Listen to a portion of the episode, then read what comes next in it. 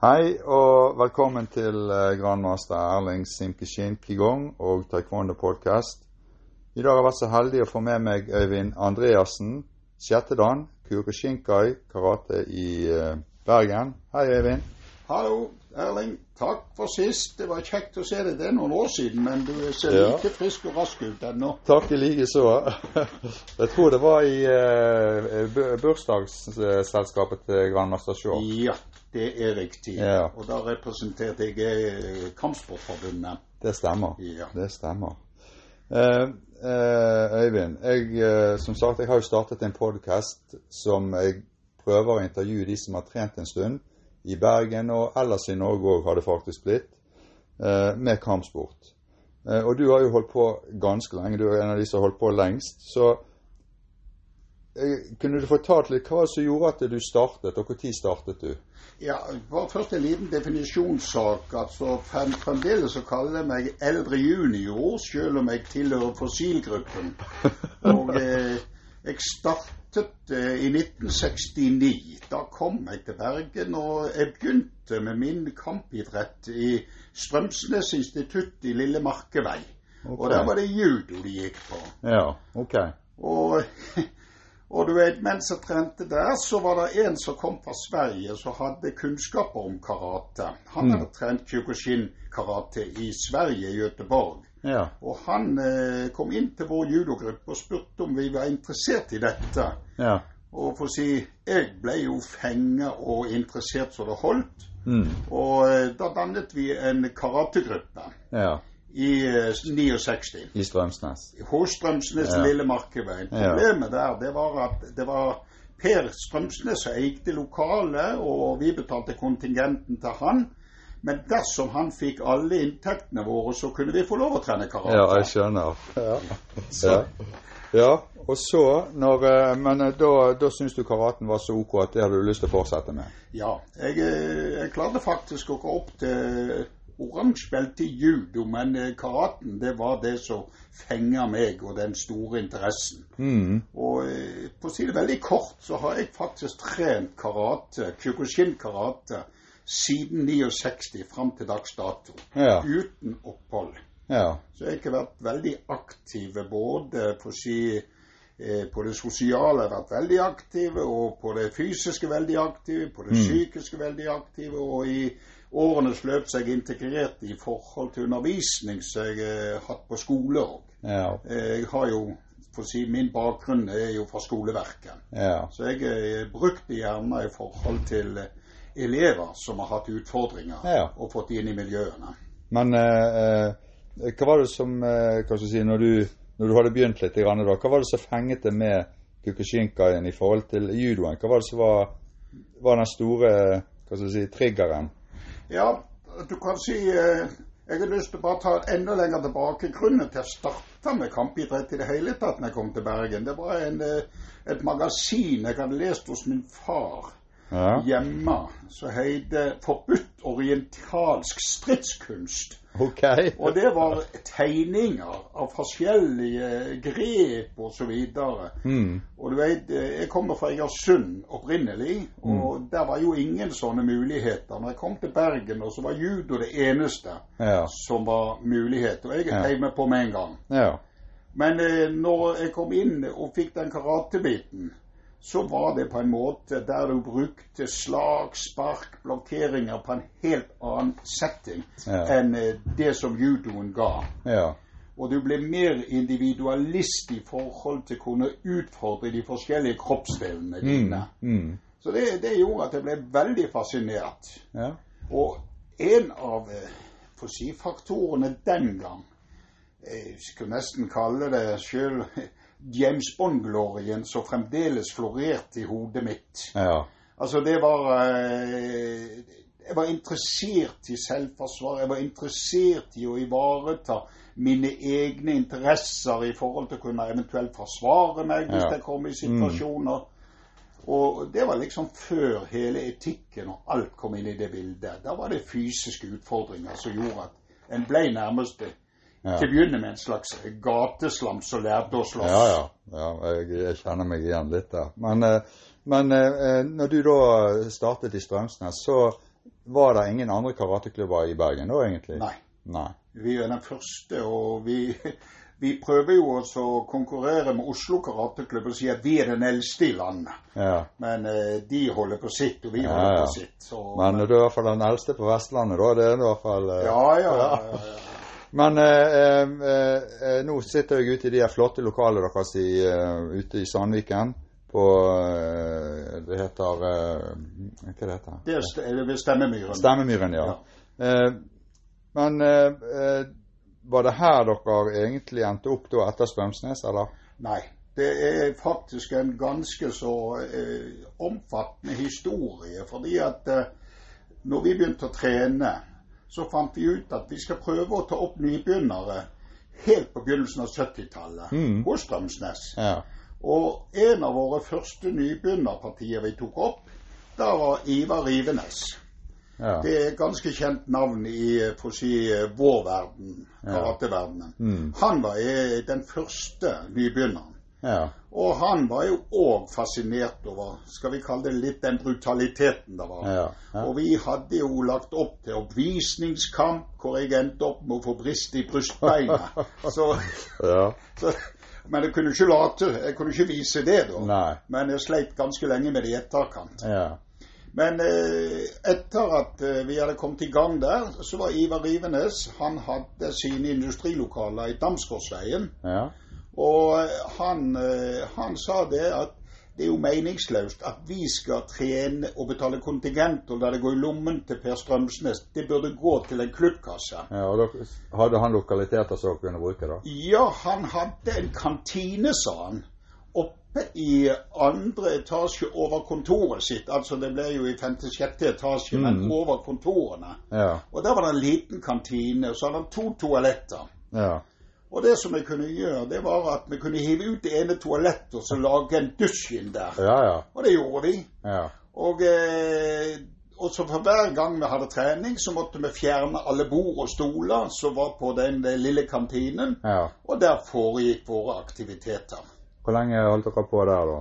Ja, vi holdt vel på ja, med et, et år, halvannet år Ja. trente vi der. Ja. Og så søkte vi jo kommunen, Mm. og da fikk vi tilgang i Leaparken. Solhaug skole. ja der har jo vi vært òg. Ja. I mange år. Ja. Så, var, så det var neste stopp. Det var litt vittig, det visste jeg ikke. Å ja. Nei. Nei, det var vårt neste stopp. Og det var helt begynnelsen av 70-tallet. Mm. Og eh, siden så fikk vi eh, nuss om at det var ledig lokale nye Sandviksveien. En gammel skofabrikk som var lagt ned. Ja. Og da gikk vi inn i en leieavtale der, Ja. og det var det stedet hvor vi på en måte bygde opp klubben. Mm. For da hadde vi eh, både kontorfasiliteter, vi fikk installert dusj, og hadde det egentlig veldig ok. Ja. Det ble jo nesten betraktet som byens peneste slakthus. ja. OK. Ja, ja. Altså Den gangen der så, så, så hadde du skylapper. Ja. Altså inklusive meg. Og det var fordi at vi var i en utviklingsfase. Vi hadde fått eh, instruktør fra England, en som heter Steve Arnil. Mm. Som eh, Han har jeg fra- hørt om. Ja, Ja. Han hadde kommet fra Japan, og eh, han var en reell Kyokushin-mann. Mm. Og det vil si han hadde gått 100 manns knockdown kumite før han kom til Europa Mm. og klart det. Ja. Og, eh, og det er veldig få. Ja. Men han, eh, han bygde oss opp, og han var vår for å si, fadder og instruktør i en årrekke, tiårsrekke. ja, for det det jeg tenkte jeg skulle spørre om. For det, jeg har jo intervjuet andre karatestilarter i Bergen, og de reiste faktisk til England for å gradere seg. Var det sånn at England var liksom en sånn hovedsete i begynnelsen i forhold til hva skal vi si, å ha en, en, en, den høyest graderte som kunne ivareta de landene rundt? Var det sånn, eller? Ja, det var nok det for det flere stilarter. Jo spesielt for Kyokushin så var det England med Stivanil Mm. som kom rett fra Japan. Så alle graderingene de ble foretatt. Da eh, fikk, fikk vi han over, og så fikk vi et treningsprogram som vi trente etter. Og vi, vis, vi visste hvor mye vi måtte legge ned for å trene. Ja. Og så var det, kom han tilbake for å holde graderingene. Ja. Og eh, jeg får si det var, det, var, det var veldig reelle og kraftige graderinger. Ja. Og det var eh, det, altså, du, du, kan, du, kan, si det var veldig mye avskalling og frafall av medlemmer. Ja. Men den gangen når vi begynte, og du vet når vi søkte opptak Det er jo så nesten I dag er det absurd. Fordi at hvis vi sendte med samtidig ut Vi jo, hadde jo ingen konkurrenter. Det var Nei. ikke andre karatestiler da til å begynne med. Nei. Det var ikke kickboksing osv. Og, og det var ikke taekwondo. Nei. Og dermed så hadde vi, når vi skulle ta opp en 20 medlemmer, så fikk vi gjerne 300-400 søknader. Alle måtte søke skriftlig. Oi. Alle måtte framlegge vandelsattest, de som skulle være med. Ja. Og uten vandelsattest så kunne de bare glemme det. Ja. Og det, det, er jo egentlig litt utrolig. Og, ja, altså ja. Det som gjorde at vandelsattestene falt vekk etter hvert Politiet hadde ikke kapasitet. Nei. Nei så det, det, måtte vi fravike. Men vi hadde veldig strenge medisinske krav. Hvis du, unn, hvis du ikke stilte på en trening, ja. Og uten legeerklæring, ja. så var du ut. Okay. Ja, det var ikke snakk om Da, da ble du sparket ut av klubben. Da hadde du ja. ikke noe der å gjøre. For da er ikke du eh... Men la dere de eh, Hva skal vi si Jeg spør liksom, for jeg kjenner ikke så godt det, men laget dere disse reglene ut ifra fordi at dere visste at dere trengte dette for å kunne ivareta de dere trente på en best mulig måte? Ja, både det og ikke minst ivareta oss sjøl og vår mm. egen utvikling. Ja. For vi følte at skal de være med, så må det være på samme premissene, samme mm. systemene ja. som vi går etter. Ja. Vi var minst like brutale med oss sjøl ja, som vi var med disse andre som vi mm. prøvde å instruere. Så du kan si vi hadde en lav takhøyde, men vennskapet internt under den takhøyden, det var helt enormt. altså, vi, vi, tok veldig, veldig vare på hverandre. Og mm. det var jeg får si vi var som en stor familie. Og det var i henhold til vår grunnleggers filosofi, Oyama. Ja. Har du truffet han Oyama noen gang? Ja da. Jeg var faktisk heldig og var med på han Jeg tror for mange anledninger. Jeg var med på den siste seminar- og treningsleiren han hadde i 93. Mm. Året før han døde. Ja. Og da eh, jeg får si litt sånn ubeskjeden, så ble jeg plukket fram til sitte på hans høyre side. Og det, det er liksom ja, det, det, det, kan du leve på i dag òg. Ja, det lever jeg på i dag òg. Og jeg fikk jo en del eh, flotte opplevelser. Og det norske teamet der nede, vi ble jo på en måte fikk veldig god gunst fra det. Vi fikk bruke hans limousin til og fra når vi skulle ned i sentrum, ja. med privatsjåfør, mens ja. de andre europeiske de ble stua inn i sånne minibusser. Ja, ja da, men det, det, høres jo veldig Da har dere gjort et bra inntrykk, da. Det, det, det vil jeg påstå vi gjorde. Og, uh, så vi var, vi, var veldig, vi var veldig fornøyd, og vi hadde allerede meldt oss på året etterpå på samme leiren. Mm. Men uh, dessverre så døde han før den ble ja. realitet. Han Men han var, ganske, han var ganske voksen, var ikke han det? Ja, han var ikke så, han var ikke så gammel. Han ble vel 70-71 år. Ok. Så eh, når jeg ser min alder, så var det ja, ungdommen. ja, ja da, det, men ok, de, de, hadde kanskje en annen oppvekst den gangen i, på, ja, enn det vi har. Sant? Ja, altså, Jeg vet ikke om jeg skal ta et par eksempler fra Japan. der. Når, mm, jo, bare kjør på, du. Det er veldig kjekt å høre. Ja, fordi at eh, når Oyama kom inn og skulle instruere i en klasse, så slo han fra seg bilnøklene. Mm. Og da forventet han at når han reiste igjen, så var den bilen nyvaska polert. Okay. Og de sloss om å få lov å vaske bilen. Ja, ja. Og så og så når han gikk, så bare heiv han g av seg. Ja. Og eh, lot han ligge der. Han kom tilbake, så var han nystrøken og fin. Ja. Altså Det var jo kamp blant elevene for å få lov å eh, gjøre disse tingene. Men det har, det har, jo litt med si, den eh, etikken og alt som var litt sånn fra gammelt av. Jeg tror den, uh, den hadde en sånn spesiell Påvirket uh, oppveksten til mange på den tiden. Jeg, hadde, jeg hadde aldri turt å la kien fra meg her. Jeg kom tilbake en dag etterpå, så han lå og skjøv inn i et hjørne. Ja. Nei vi er Han feila litt der ja. underveis. eh, men eh, har du noen mål, Øyvind, den første tiden da dere begynte? Altså, du, eh, nå har jo vi snakket masse om egentlig Sikkert du har trent i mange år, men når du begynte å trene, var det sånn at du hadde noen mål med treningen den første tiden?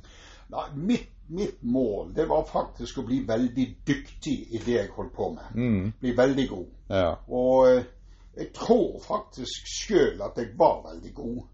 Og eh, jeg var nærmest eh, i eget hode uovervinnelig. Ja, men det er jo, det er jo det er viktig at du har en sånn eh, Ja, tankegang altså, noen ganger. eh, Ja. Og du vet, når jeg var oppe til graderinger, så gikk graderingene de gikk på skinner Ja. helt til jeg skulle opp. Og det, den graderingen glemmer jeg aldri. Da hadde vi Stivanil over. Ja. Og det var på var det 374. Mm. Da var vi i sentralbadet og trente. Mm. Og så skulle jeg opp til det andre brune beltet, det siste for Ja. svart. Mm. Og så er jeg stilte jo liksom Yes! Og så, så kom han bort til meg og sa ja, er du klar? spurte han. Ja, ja, og det var Ja. overklar. Ja. Og så sier han det. Ja, men du kan bare glemme det, for du får ikke gå opp. Nei. Oi. Og så tenkte jeg ja, hvorfor ikke? Ja. Nei, det kan jeg fortelle ved en annen anledning. Vet du hva, jeg, det var så det skulle faen meg klabbe meg rett ned. Ja. jeg fikk en sånn trykk i trynet der jeg Du fikk ikke prøve engang, altså? Nei, jeg fikk ikke lov å prøve engang. Fikk du noen begrunnelse for det? Ingen. Å. Jeg måtte gå og tenke sjøl. Hva var grunnen? Og jeg må si det er den mest lærerike graderingen jeg noen gang har hatt. Ja. Fordi at kommentaren, når jeg endelig fikk det forklart her Ja. You are too big for your head. Altså rett og slett. Jeg var altfor stor i eget hode Ja. i min uovertreffelighet. ja, du var egentlig uovervinnelig. Litt Ja. for uovervinnelig. Jeg ble Ja. grust ned så Ja. holdt, og da lærte jeg på en måte ydmykhetens sanne verdi. Ja, det, Og det, men det var en hard måte å gjøre det på, fordi at det var så uvirkelig. Ja. Men fantastisk. Og den har jeg eh, for å si, Det er den mest lærerike graderingen jeg noen gang har vært borti. ja, men jeg regner med at du har brukt samme tingene med dine elever noen ganger, kanskje. Ja, faktisk. Det er jo det du har lært. Du har Ja. lært egentlig hvordan du skal Ja, og det Ja. eh, Vi hadde en gang, så jeg, jeg, jeg så meg sjøl igjen. Ja. Han fikk akkurat samme meldingen som jeg fikk av Stian. Lie. Og han òg ble en knallbra person seinere. Ja. Han fikk vite hvorfor. ja. Eh, I begynnelsen, når dere var, var jo de første som begynte i, i bergensområdet i hvert fall, så var det vel ikke så mye konkurranse heller. Men var du med på noen konkurranser når det begynte å komme? Ja, jeg var med Var det to eller tre NM jeg var med? Mm. Men eh, måten som vi fighter på, den passet ikke. Fordi at eh, med disse andre så er det såkalt det du kan kalle sportkarate. Ja. Mens vi jobber med fullkontakt. Mm. Og eh, ting som vi mente betydde ingenting, det skåra de poeng på. Ja. Og eh, Men det er liksom litt det samme som eh, eh, ITF og VTF taekwondo. Sant? Ja. For det var vi er fullkontakt, og de Ja. var Så det, ja, det var samme Jo, men, Ja. men altså Og i min verden kunne jeg aldri tenke meg å bare spesialisere meg på den andre formen, for det var ikke interessant for meg. Nei. For nei. det, det var ikke den reelle karaten sånn som jeg så på. Nei. Og dermed så eh, Jeg kom vel til eh, semifinale en gang. Ja. Og eh, det var det lengste jeg kom, men da var jeg faktisk fått en skade. Ja. Og den skaden hadde jeg med meg før jeg kom. Og Ja. Jeg vet ikke om jeg skal si det, for det var en, eh, en av jeg får si, bydelsdirektørene som ordna med den for meg. Oh, ja, ok. Jeg har ikke lyst til å navngi han, men eh, den gangen Han vet vel det kanskje sjøl hvis han Ja, eh, skulle jeg, høre dette her. jeg, fikk, jeg fikk et spark. Altså, jeg hadde ingen beskyttelse, for det var under instruksjon. Ja. Skulle vi vise dem sånn spark til skrittet. Du skulle Ja. jo selvfølgelig ikke berøre. Nei. Og du vet, det var ikke kontroll i det hele tatt. Han klasket det, han. Så jeg var svart over det hele. Så jeg, det, Ja. Det var, det var Jeg får si jeg ble jo tvekjønnet. ja.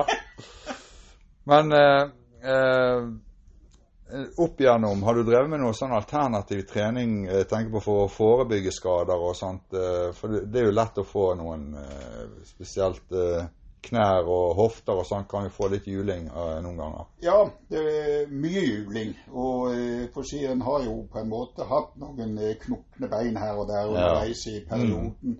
Men det med alternativer, det liksom lå ikke fordi at eh, Jeg vet jo at mange ganger den måten som vi driver med oppvarming på, det vil jo stride imot enhver fornuft i forhold til det som egentlig burde være medisinsk riktig. Ja. Men eh, årsaken det var faktisk at når du preste deler som gjorde at dette var nesten uforsvarlig, Ja. så ble du psykisk mye bedre og sterkere. Ja. Altså, Det hadde en sammenheng med den psykiske treningen og den fysiske. Ja. Og du skulle lære å ikke gå over de grensene. Og det var allerede under oppvarmingen. Ja. Så, eh, så det ble ganske eh, heftig underveis. ja. Så dette, du, du har egentlig kjørt litt ned på det tradisjonelle som du alltid har lært. Da egentlig hele tiden. For da har du både fått både styrke og du har fått, du har fått alt, Ja. egentlig. Ja. Så det Ja. Så in, ingen alternativer. Jeg har sagt, eh, jeg har sagt det sånn litt sånn floskelmessig at hva er alternativet for meg hvis jeg ikke trener karate?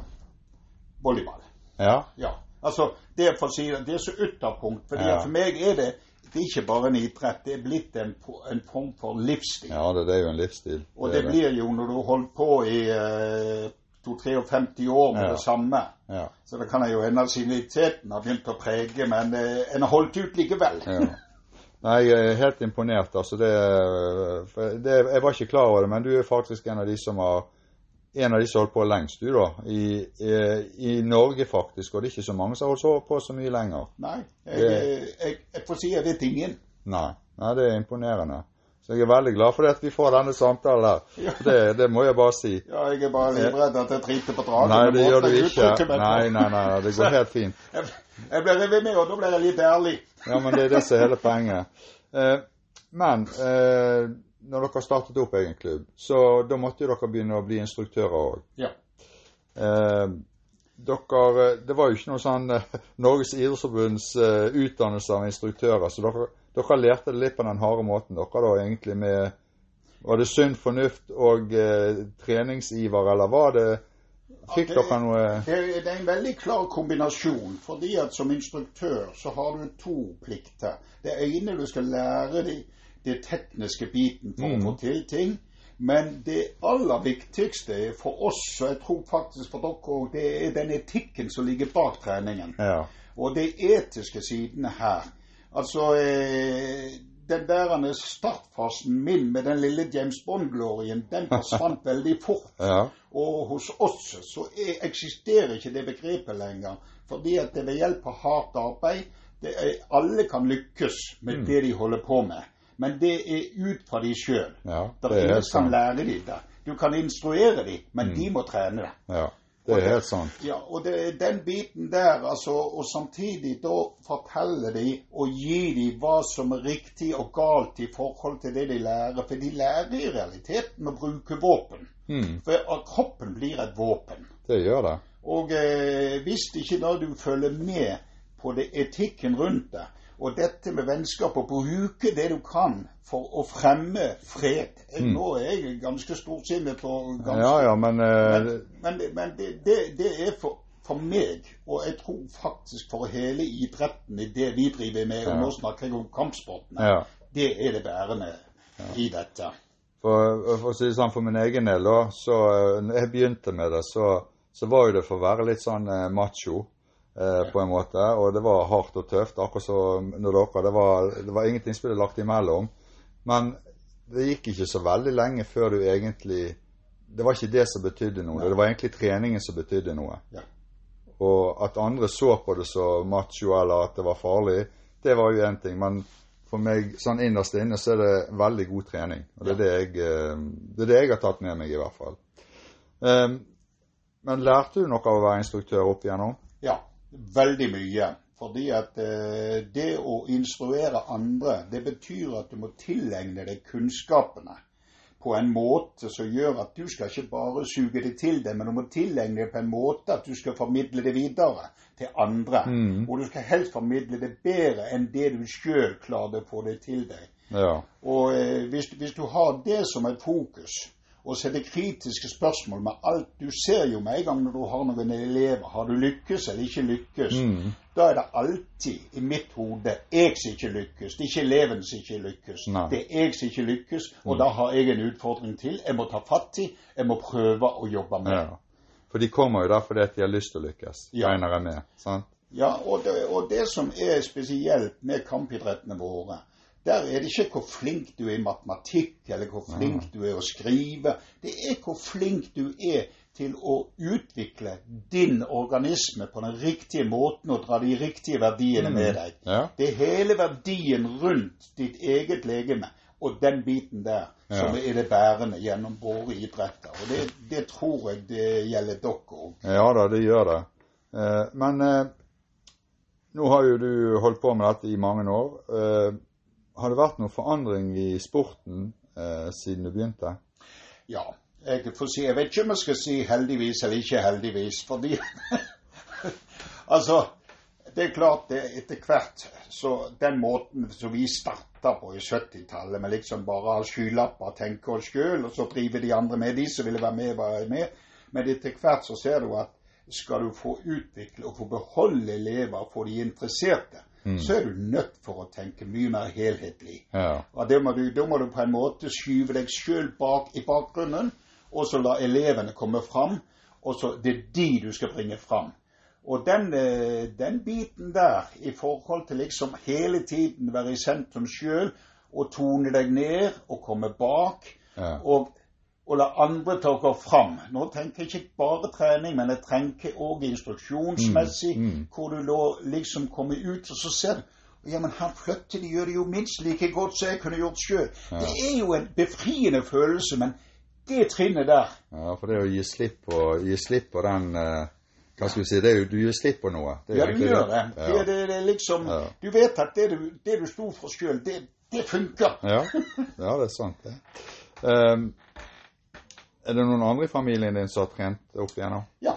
Det eh, nå eh, for si så har eh, konemor hun trent et halvt års tid. Jeg får si, det Kanskje jeg skal si det høyt, da, men heldigvis så fikk vi unger og måtte være hjemme. Ja. ok. Nei da, hun, hun er veldig aktiv, men det var andre fysiske aktiviteter. Mm. Så eh, karaten, det var ikke helt det. Min Det var da- kanskje for din del hun gjorde det, da?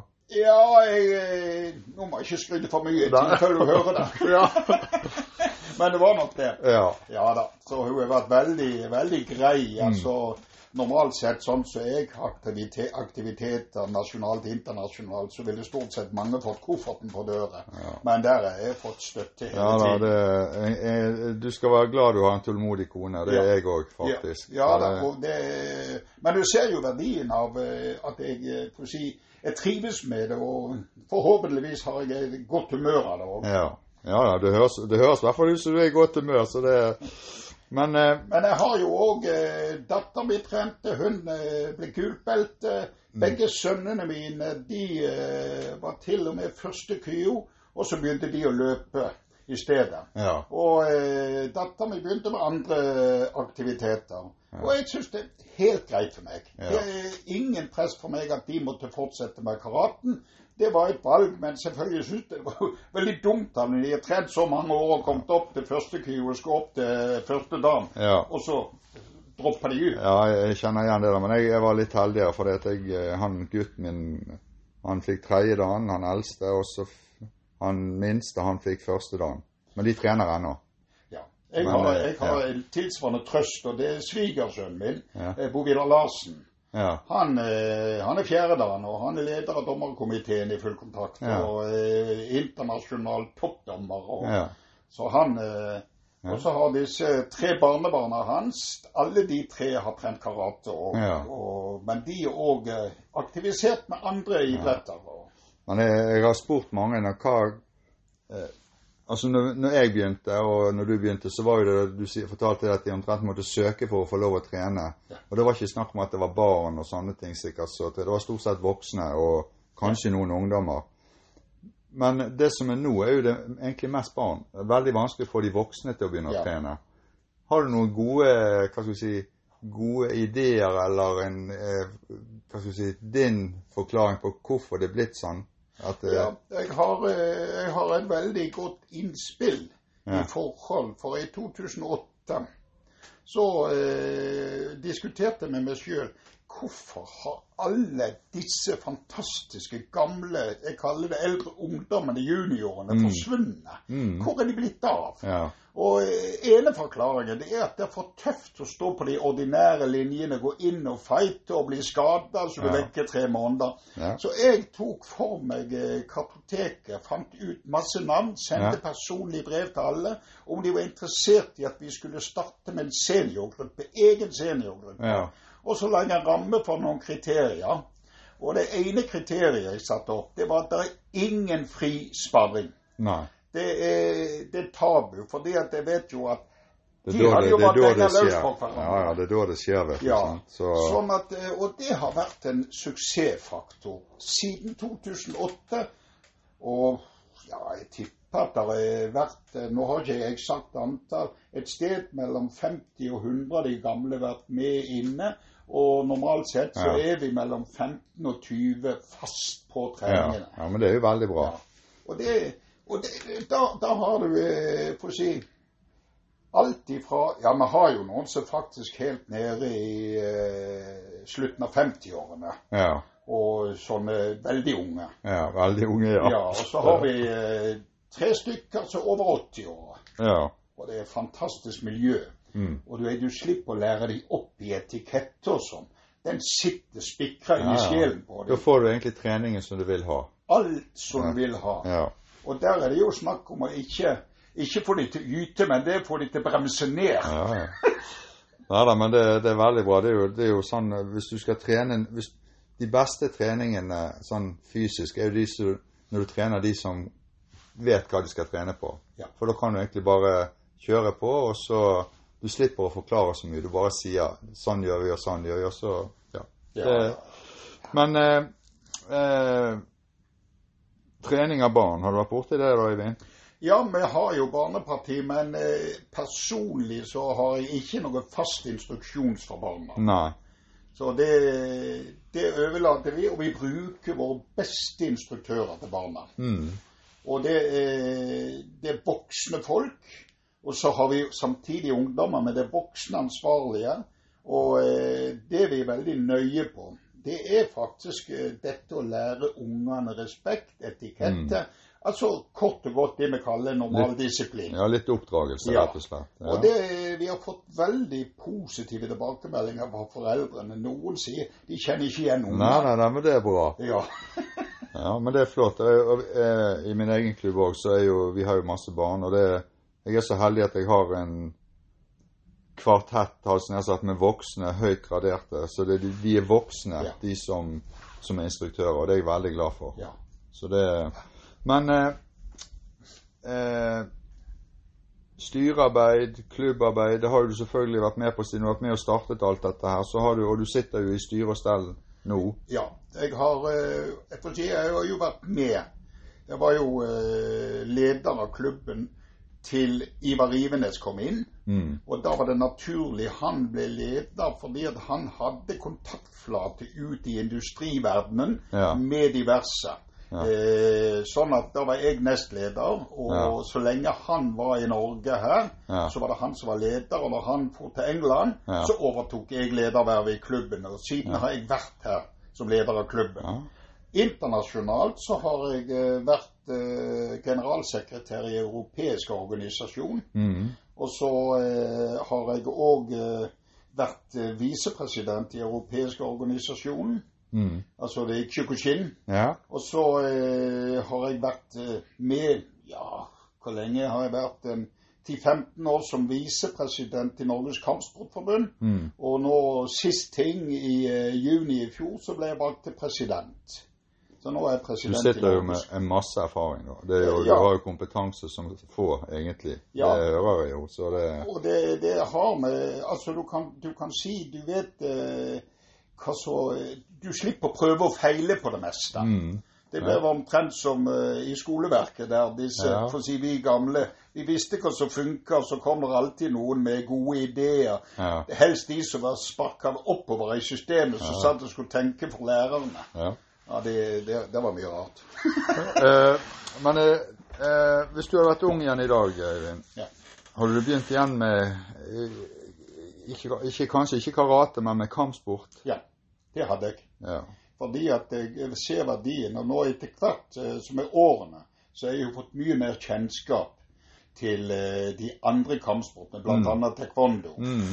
Og jeg er veldig fascinert. Jeg, altså, nå, I startfasen så var det ingen andre enn Kyokushin som var noe. Alt Ja, andre, men jeg var husker jo det. Det var jo sånn var det vi òg. Så vi ja, har jo ja, det var bare ja. tull, alt det andre. Ja, det var, var, eh, men nå ser jo jeg verdien. Altså i forhold til taekwondo. Dere f.eks. har masse ting som vi kan dra kjennskap og kunnskap om, Mm. og dra til til våre treninger. Og det sa uh, jiu-jitsu f.eks. osv. Altså den biten der å begynne å integrere og trekke ut, men samtidig beholde den identiteten du har. Ja. Det er det veldig, veldig bra. Og det tror jeg at vi er blitt mye flinkere med i kampsportverdenen. Ja, for det har blitt mange forskjellige kampsporter. Og jeg ser jo noen som jeg har i min klubb, de trener både jiu-jitsu og har trent eh, kickboksing og alt. Og så er de, men det er taekwondoen som er hovedgreia. Det er der ligger sjelen. Ja, Ja. Det er jo litt vittig. Jeg må jo bare få tilføye det. Vi hadde jo noe som het eh, Norway Open. Ja, ja, den husker jeg. Ja, og da, Men jeg, jeg, jeg har nevnt det før. og Jeg tror faktisk det er eneste gangen i norgeshistorien at det har vært arrangert et taekwondo-stevne og kukushinka-stevne si, internasjonalt, side om side. Nei, Det gjorde vi. Det er helt riktig. Ja. Og det var, det, det var veldig Sånn som vi så det, så var det veldig vellykket. Ja. Det var veldig greit. Ja, ja da. Og jeg, jeg, jeg Ja. Så det, det er jeg veldig glad for, for det, og det har vi faktisk på film òg. Så det, Å ja. det Ja da. Men jeg husker vi satt her og diskuterte med Stemmer. dere. Stemmer det. Så det, Det er mange år siden. det er mange år siden. Det var på Var det 97 eller 96 eller 97? Ja, du er yngre enn meg, så du husker Ja. bedre. ja. Nei, det var på slutten av 90-tallet i hvert fall. Ja. Det stemmer.